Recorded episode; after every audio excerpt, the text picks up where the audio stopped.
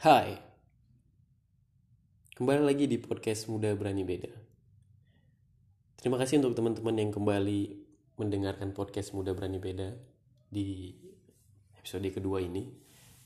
Di pagi hari ini eh, Di hari yang Jumat berkah ini Aku ingin sekali membahas tentang eh, Bekerja dan berkarya. Banyak sekali di antara kita anak-anak muda yang sulit untuk membedakan atau lupa untuk membedakan bagaimana bekerja dan juga berkarya. Kalau kita tarik dari sejarah, eh, negara kita lama dijajah oleh kolonial Belanda dan kita dipaksa untuk bekerja, paksa di zaman itu. Hingga akhirnya mungkin ada mindset di antara kita yang terdahulu mengira bahwa kita harus bekerja, kita harus menjadi orang sibuk, kita harus membuang banyak waktu kita untuk untuk bekerja. Tapi kita terkadang lupa bahwa dalam bekerja itu kita harus berkarya. Nah, banyak perbe apa ada perbedaan antara bekerja dan berkarya. Orang yang bekerja, dia akan bekerja untuk orang lain. Sementara orang yang berkarya, dia itu menciptakan suatu hal untuk dirinya dan berdasarkan idenya sendiri mungkin ada antara desain grafis satu dan ada desain grafis dua. Karena sama-sama pekerjaannya grafik desain tapi ada orang yang benar-benar grafik desainer yang bekerja karena orang lain. Ada juga grafik desainer yang berkarya. Kita harus bisa membedakan itu untuk di awal. Nah aku suka sekali e, mendengar hal ini dan membaca hal ini dari satu tokoh yang menurutku sangat kreatif di Indonesia ini. Dan aku nggak mau bilang juga aku ngefans dengan dia karena dia juga tidak mau punya fans. Seorang komedian namanya Panji Pragiwaksono. Dia menulis satu buku yang judulnya Indiepreneur Independent Entrepreneur mungkin ya. Nah di dalam satu subjudul buku itu ada menuliskan tentang bagaimana bekerja dan berkarya. Banyak di antara kita yang mengira bahwa orang yang sibuk orang yang tidak punya waktu adalah orang yang sukses. Sementara ada orang yang harusnya pu punya juga penghasilan yang ada dia juga menciptakan sesuatu tapi dia berkarya. Kita harus bisa membedakan itu. Semisalnya begini orang yang bekerja seandainya ada seorang penyiar radio yang bekerja dan seorang penyiar radio yang berkarya akan pasti bisa membeda memberikan hal-hal yang beda. Orang yang penyiar radio yang bekerja dia pasti akan selalu uh, datang setiap hari untuk bekerja dan juga dia memberikan hal yang sama karena definisi dia mem, definisi definisi dia untuk hadir sebagai seorang penyiar radio di waktu itu adalah untuk bekerja. Orang yang bekerja akan takut dengan bosnya. Orang yang bekerja takut untuk tidak digaji. Orang yang bekerja takut untuk dipecat. Maka oleh karena itu penyiar radio itu tidak mengembangkan dirinya secara pribadi hingga akhirnya yang terpenuhi hanya jadwal jam-jam kerja yang ia miliki. Beda dengan orang penyiar radio yang berkarya.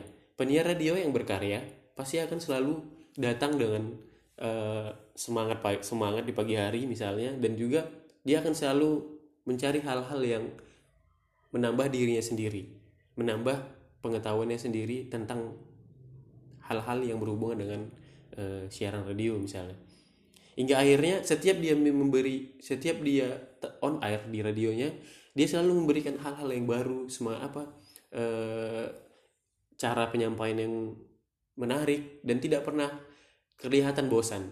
Pernah nggak kalian juga melihat mendengar penyiar radio yang kadang eh penyiar radionya bosan gitu. Ada juga penyiar radio yang semangat sekali membawakannya.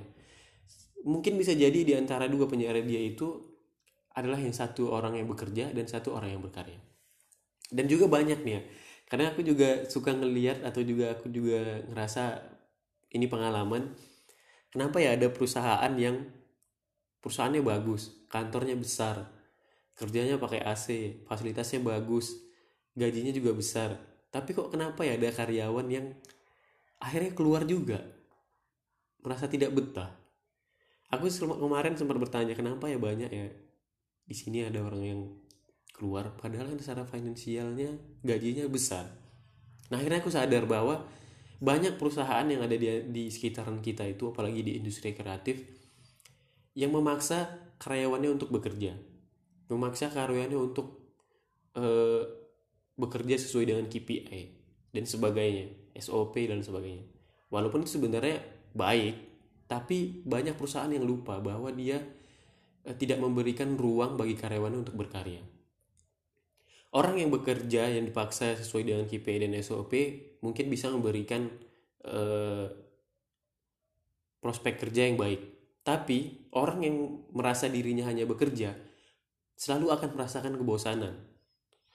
Dia akan merasa halnya selalu berulang-ulang. Dia tidak dia tidak dia tidak merasa bahwa di tempat dia bekerja dia bisa memberikan ide dan gagasan. Oleh karena itu dia merasa tidak bisa berkembang di situ hingga akhirnya uh, dia dia mungkin keluar.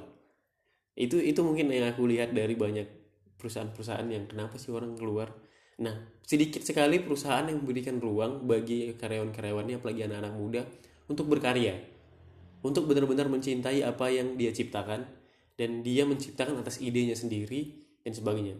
Mungkin secara perusahaan memang ada ada banyak banyak hubungan antara klien antara bos dan sebagainya yang mungkin sulit. Tapi kalau dari yang kulihat banyak perusahaan yang maju itu dari apalagi dari sudut industri kreatif mereka itu bukan hidup dari bekerja tapi mereka hidup karena berkarya. Membedakan dua hal antara bekerja dan berkarya menurutku penting di zaman sekarang. Karena apalagi zaman sekarang zaman di mana kita bisa berkarya hidup dari karya. Banyak fasilitas yang sekarang yang diberikan yang diciptakan secara teknologi hingga akhirnya kita bisa menciptakan karya-karya kita yang kemudian tanpa kita sadari karya itu bisa menghasilkan uang. Bukan kan bukankah pada akhirnya ujungnya juga bisa memenuhi hal-hal yang sama? Orang yang bekerja juga akhirnya mendapatkan gaji. Orang yang berkarya juga akhirnya juga mendapatkan gaji pada masa ini. Nah, sekarang tinggal kita yang menentukan. Kita mau bekerja atau kita mau berkarya.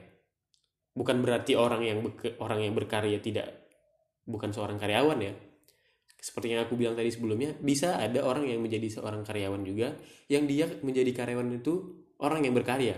Bisa jadi ada seorang pramugari yang be, yang menjadi seorang pramugarinya dia bekerja. Tapi ada juga seorang pramugari yang berkarya.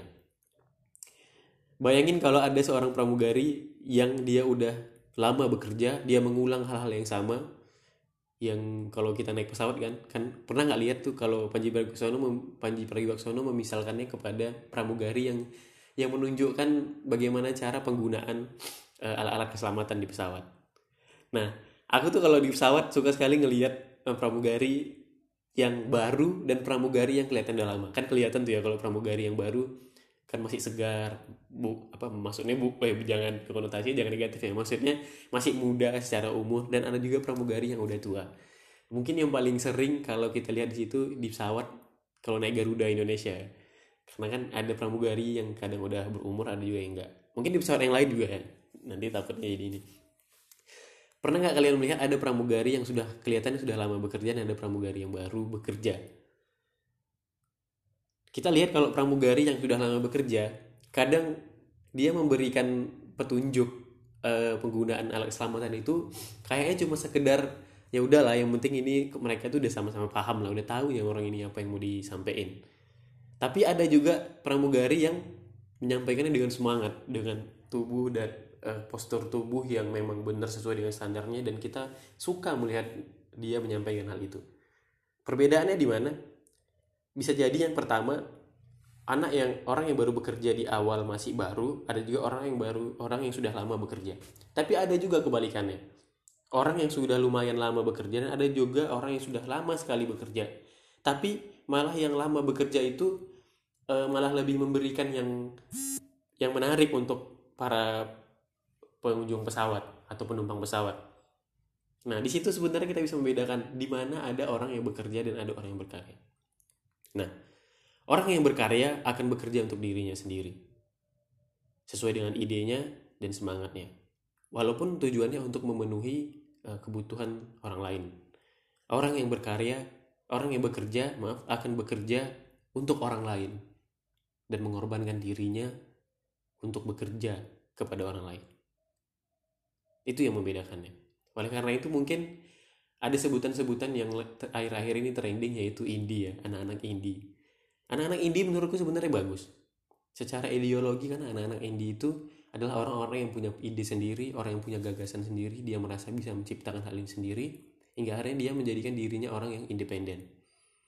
Orang yang independen secara karya orang yang independen secara uh, pekerjaan orang yang independen secara uh, perbuatan misalnya oleh karena itu uh, kalau menurutku anak indie itu bagus bukan anak indie itu bukan cuma sekedar kopi senja kopi senja lagu bab lagu rindu lagu cinta dan sebagainya tapi menurutku anak indie itu adalah orang yang punya kekuatan nilai-nilai berkarya yang lebih tinggi. Kenapa? Karena dia punya ide yang sendiri, dia punya uh, kemampuan sendiri yang dia akhirnya ciptakan untuk berkarya.